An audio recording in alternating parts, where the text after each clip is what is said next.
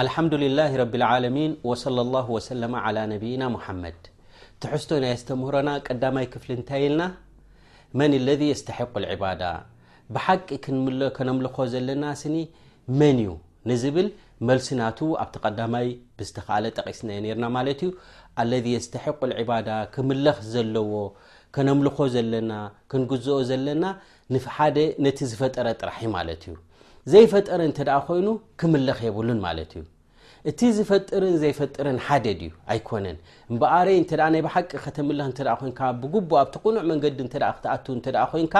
ነቲ ፈጣሪ እየ ዝበለ ኣነ ሰማይን መሬትን ፈጢረ እየ ዝበለ ኣላ ስብሓን ወተዓላ ንዑ ኢኻ ክትግዛእ ዘለካ ማለት እዩ ዕባዳ ብምሉኡ ትግዝኦ ንዑ ጥራሕኻ ክትፍጽሞ ዘለካ ማለት እዩ ወልሊክ እታ ኣያ ዝጠቐስናያ ብኣ ተመርኪስና ወይን ኣላ ስብሓን ወተላ እንታይ ይብል ወማ ከለቅቱ ልጅና ወልኢንሳ ኢላ ልያዕቡዱን ኣጋንንቲ ይኹኑ ደቂ ሰባት ዝፈጠርክዎም ስኒ ንዓይኒ ብሕተይ ንከምልኹንኦም ኢሉ ኣጋንንቲ ወይ ዞም ሸያጢን ዝበሃሉ እንታይ እዮም ካብ ምንታይ ተኸሊቆም ከምኡ ድማ እንታይ ዓይነት ባህርያት ኣለዎም እንታይ ዓይነት ከ ይጥቀሙ እቲ ናታቶም ዝጥቀምዎ ድማ ዝተኸልከልናዮ ከም ዘሎ ኣብቲ ቀዳማይ ኣርእስትና ጠቒስና ነርና ማለት እዩ ኣብዚ ናይ ሕጂ ድማ ኣብ መን ክንብል ኢና ማለት እዩ ናባና ናብ ደቂ ሰባት ማለት እዩ ወማ ከለቕቱ ልጅና ወልኢንሳ ኣልኢንስ ጠብዓ ክንብል ከለና ም በኑ ኣደም ንሕና ደቂ ኣዳም ድኾና ደቂ ሰባት ማለት እዩ ንምንታይ እዩ ሰብ ኢንሳን ተባሂሉ ኣብ ቋንቋ ዓረብኛ እንተ ኢልካ ሊኣነሁም ያእነሱ ባዕድሁም ሊባዕድ ነንሕድሕድና ሰብ ምሰብ እዩ ምቾት ዝረክብ ማለት እዩ ወላ ኮ ጥዑም ናብራ ፅቡቕ ነገራት እናረከብካ ከለካ ተ ንበይንካ እተ ኮይንካ እንታይ ኢኻ ምቾት ኣይትረክብን ኢኻ ማለት እዩ ወልሊክ ኢንሳን ላ የኣነስ ኢላ ብኢንሳን ማለት ምስ መን እዩ ኡንስ ዝረክብ ወይ ድማ ርግኣት ዝረክብ ምስ ከምኡ ሰብ እዩ ማለት እዩ ብከምኡ እዩ ድማ ዒንሲ ተባሂሉ ማለት እዩ ጠብዓን ኣላሁ ስብሓን ወተዓላ እዞም ክልተ ዓበይቲ ዝኾኑ ኣጋንንትን ደቂ ሰባትን ስኒ ዝፈጠርክዎም ይብላ ኣሎ ኣላሁ ዘ ወጀል ንዓይ ንብሕተይ ንኸምልኹኒ እየ ፈጢረዮም ኢሉ ማለት እዩ ብሓደ ሸነኽ ድማ ዝያዳ እንታይ ነስተባህል ኣለና ማለት እዩ እምበኣረይ ክትግዝኦ ዘለካ ስኒ መን እዩ እንተ ተባሂሉ ሁወ ልካልቅ ንዝኸለቀ ኢኻ ደኣ ትግዝኦ ደኣ እምበሪ ንዘይፈጠረ ንዘይኸለቀ ስኒ ከመይ ኢልካ ትግዝኦ ማለት እዩ እንተ ንዘይፈጠረ እተ ድግዛእ ኣለ ኮይኑ ቁኑዕ ኣይኮነን ኣለذ የስተሕቅ ልዕባዳ ሁወ ልካልቅ ወልذሊከ ኣላሁ ዘ ወጀል ንደቂ ሰባት ፈጢሩ ከምኡ ድማ ኣብ ዓለም ዘሎ ኩነታት ኩሉ እተ ርእኻዮ ኣብ ሰማይ ዘሎ ኣብ መሬት ዘሎ ድማ ኣላሁ ዘ ወጀል ሰኸረው መሳሊሕ ኢና ንሕና ንክንጥቀመሉ ንሕና ብኡ ጌርና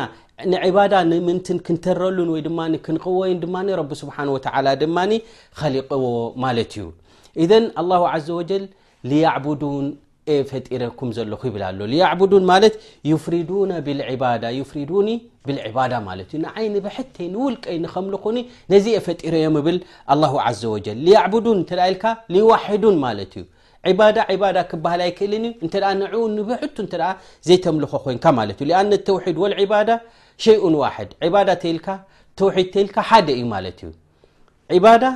ብጀካ ንኣላ ስብሓን ወተላ እተዘይኮይኑ ንኻሊእ ኣይግባእን እዩ ማለት እዩ ንኻሊእ ኣይፍቀድን እዩ እንተ ንኻሊእ ተገዚእካዮ እዚ ዒባዳ ይበሃልን እዩ እዚ ዒባዳ ወይ ድማ ንኣምልኾት ናይ ጣኦት እዩ ዝበሃል ማለት እዩ ዝኾነ ይኹን ደረጅኡ ወላ መላእካ ይኹን ወላ ነቢ ይኹን ወላ ሳልሕ ይኹን ወላ ዝበፅሐ እንተበፅሐ ካልቅ ስለ ዘይኮነ ፈጣሪ ስለ ዘይኮነ ነዚ ኣይትግዘኦን ኢኻ ኣይተምልኾን ኢኻ ማለት እዩ ንመን ኢኻ ተምልኽ እንተ ተባሂሉ ነቲ ፈጣሪ ዝኾነ ኣላ ስብሓን ወተላ ማለት እዩ እዘን እላ ሊያዕቡዱን ማለት እላ ሊኣምረሁም ብዕባደቲ ኣነ ዝፈጠርክዎም ስኒ ንዓይ ንብሐተይ ንከምልኹኒ ንዓይ ጥራሕ ንክገዝኡ ነዚ እየ ፈጢረዮም ይብል ረቢ ስብሓን ወተዓላ ንካሊእ ኣይኮነን ትእዛዛት ዝተኣዘዝክዎም ክፍፅሙ ዝኸልከልክዎም ንኽኽልከሉ ነዚ እየ ፈጢረዮም ይብል ረቡና ዓዘ ወጀል እሞ ኣንታ ወዲ ኣዳም መፂእኻ ዘለካ ብዚ ዓለም እዚ በሊዕካን ሰቲኻን ብኡ ዝጭረስ ኣይኮነን እንታይ ደኣኒ በሊዕካን ሰቲኻን ነቢርካን ክትመውት ኢኻ ድሕሪ ሞት ድማ ክትስእ ኢኻ ድሕሪ ሞት ምስ ተሳእካ ድማ ጸብጻብን ሕሳብን ድማ ክግበረልካ እዩ እሞ ነቲ ተፈጢርካዮ ዘለካ ዓላማ ንዕኡ ኣብ ትግባረ ከተውዕል ኣለካ ማለት እዩ ወልሊክ ኣላ ዘ ወጀል እንታይ ይብል ኣያሕሰቡ ልኢንሳኑ ኣንዩትረካ ሱዳ ኣያሕሰቡ ልኢንሳኑ ኣንዩትረካ ሱዳ ወዲ ሰብ ስኒ ፈጢርናዮ ኣብዚ ዓለም እዚ ብገና ኣብ ከብዲ ዲኡ ከሎ ተንከባኺብና ክሳብ ዝወፅእ ደረጃ ኣብፅሕና ዮ ከምኡ ድማ ወፅኡ ድማ ብክንደይ ክስታይን ፀገምን ድማ ዓበየ ዓበየ ድማ ኣብ ድልዱል ኩነታት ምስ በፅሐ ብድሕሪኡ ድማ ምስ ሞተ ከምዚ ኢላ ትውዳእ እዚ ዓለም ዶ ይመስለሎ ኣያሕሰቡ ልእንሳን ኣዩትረከ ሱዳ ዘርሞ ዘርሞ ከምዚ ኢልካ ጥራሕ ተፈጢርካስ በሊዕካ ሰቲካ ሞትካ ብኡ ድጭረስ ዶ ይመስሎ ኣሎ ኣይኮነን እንታይ ደኣ ማለት እዩ ብዙሕ ነገራት ኣሎ ትእዛዛት ናይ ረቢ ክትፍፅም ኣለካ ዝተፈጠርካዮ ዓላማ እውን ክትፍፅም ኣለካ ማለት እዩ ኣላህ ስብሓን ወተላ ድማ ንዓና ይኹን ንደቂ ሰባት ይኹን ክፈጥረና ከሎ ካባና ዝደልዮ ነገር ወላሓንቲ የለን ማለት እዩ እንተ ዕባዳ ጌርካ እተ ንብሕቱ ንኣላ ስብሓን ወተላ ኣምሊኽካዮ ስኒ እስኻ ካኣ ተጠቃሚ በሪ ኣላ ስብሓን ወላ ኣይኮነን ዝጥቀም ማለት እዩ ወ ዘ ወማ ከለቅቱ ልጅና ወልእንሰ ኢላ ያዕብዱን ምስ በለ እንታይ ኢሉ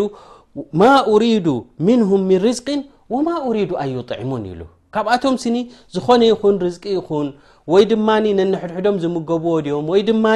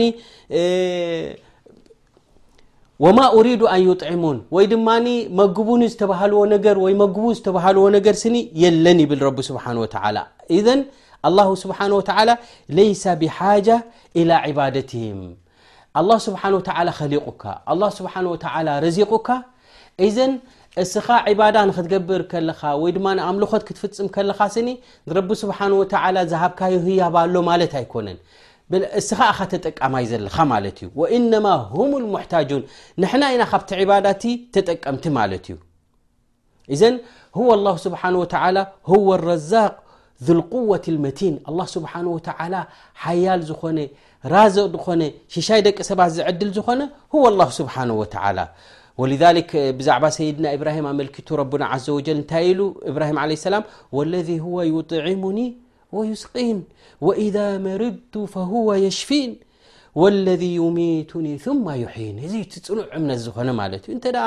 መግቢ ዝምግበኒ ሽሻይ ዝህበኒ ርዝቂ ዝህበኒ ብጀክኡ ብጀካ ሓደ ኣላ ካልእ የለን ማለት እዩ እንተ ሓመምኩ እውን እንተ ተፀገምኩ እውን ዝረድኣኒ ወላ ሓደ የብለይን እለ ላ ስብሓን ወተላ ንሱ ዩ ድማ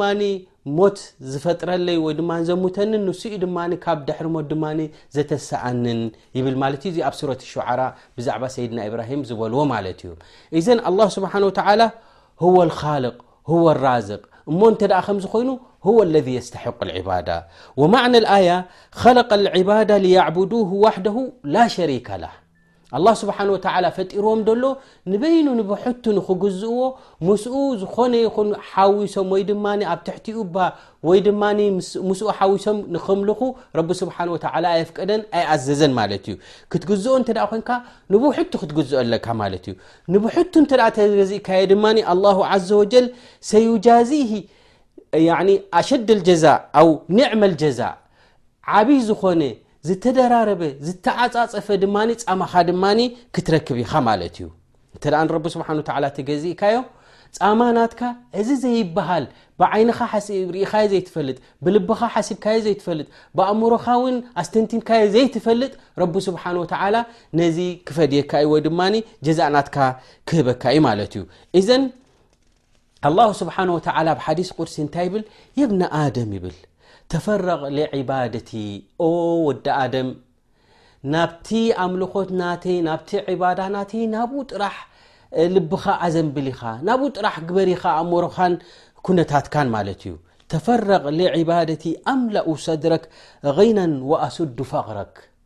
እንተ ደኣ ናባይ ጥራሕ እንተ ደኣ ዕባዳ እንተ ደኣ ትገብር ኮንካ ልብኻን ኣእምሮኻን ኩሉ ኩነታትካን ድማ ናተይ ሓሳብ ጥራሕ እንተ ደኣ ኮንካ እዚ ልብኻ እዚ ንሱ ሃብቲ ክመልኦ እየ ሃብቲ ኣብ ኢድ ጥራሕ ዘሎ ኣይኮነን ሃብቲ ኣብ ምንታይ እዩ ዘሎ ማለት እዩ ኣብ ልቢ እዩ ዘሎ ማለት እዩ ወኣሱደ ፈቅረክ እንተ ደኣ ንስኻ ናተይ ግዙእ እንተ ደኣ ኮንካ ናባይ እንተ ደኣ ተምልኽ እንተ ደኣ ኮንካ ስኒ እቲ ስእነትካን እቲ ጉድለት ዘሎ ድማኒ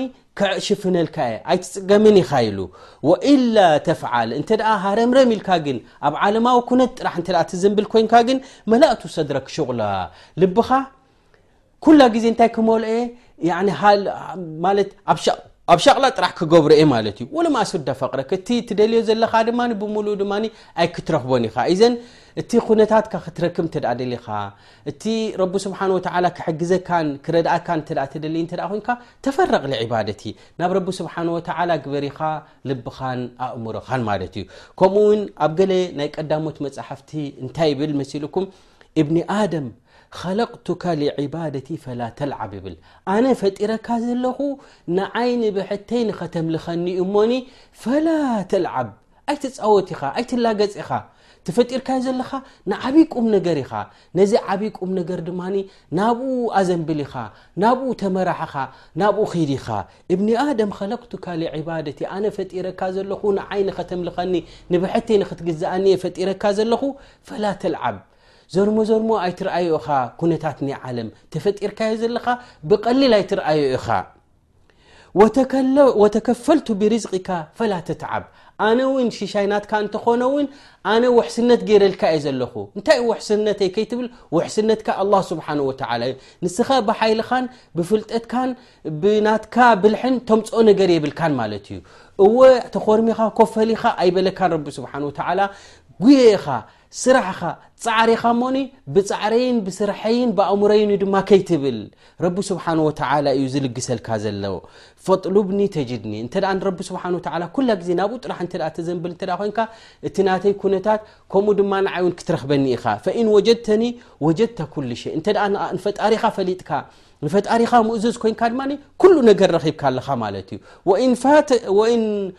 ፉቱካ ፋተካ ኩሉ ሸይ እንተ እዚ ግን ኣምሊጡካ ካብቲ ኣምልኾት ናይ ረቢ ካብቲ ዕባዳ ናይ ረቢ ወፂኻ ግን ኣብ ካሊእ ናይ ዘይተፈጠርካሉ ዓለም ኣብኡ እተ ዘንቢልካ ግን ኩሉ ነገር ሓሊፉካ ኣሎ ወላ ኮብ ኢደ እዩ ዘሎ እንተበልካ ኩሉ ነገር ረኺበ ኣለኹ እንተበልካ ብዙሕ ነገራት ይሓሊፉካ ደሎ ኣይረኸብካን ኣለኻ ምክንያቱ እዚ ዘለካዮ ዓለም እዚ ግዜያዊ እዩ ውሱን እዩ ክቋረጽ እዩ ድማ ማለት እዩ ደይቋረጽ ዘይበርስ ነባሪ ዝኾነ ግን ኣብቲ ካልኣይ ናይ ኣኼራ ስለ ዝኾነ ስለዚ ተፈጢርካዮ ዘለካ ዓላማ ንዓብዪ ነገር እዩ ሞኒ ነዚ ተፈጢርካዮ ዘለካ ብቀሊል ኣይትርኣየ ይብል ማለት እዩ ኣላሁ ስብሓን ወተላ ወህወ ይጥዕሙ ወላ ይጥዓም እሱ እዩ ዝምግብ ዘይምገብ ዝኾነ ማለት እዩ ኣላ ስብሓን ወተላ ንሱ እዩ ዝሽሻይ ዝልግሰልና ማለት እዮ ኩሉ ኣብዚ ዓለም እዚ ዝጓዓዝ ዝነበረ ዝበልዕ ዝነበረ ዝሰቲ ዝነበረ እዚ ኣምላኽ ኣይኮነን እዚ ፈጣሪ ኣይኮነን ማለት እዩ ክምለኽ ዘለዎ እቲ ሽሻይ ዝህበካ እቲ መግቢ ዝህበካ እቲ ጥዕና ዝህበካ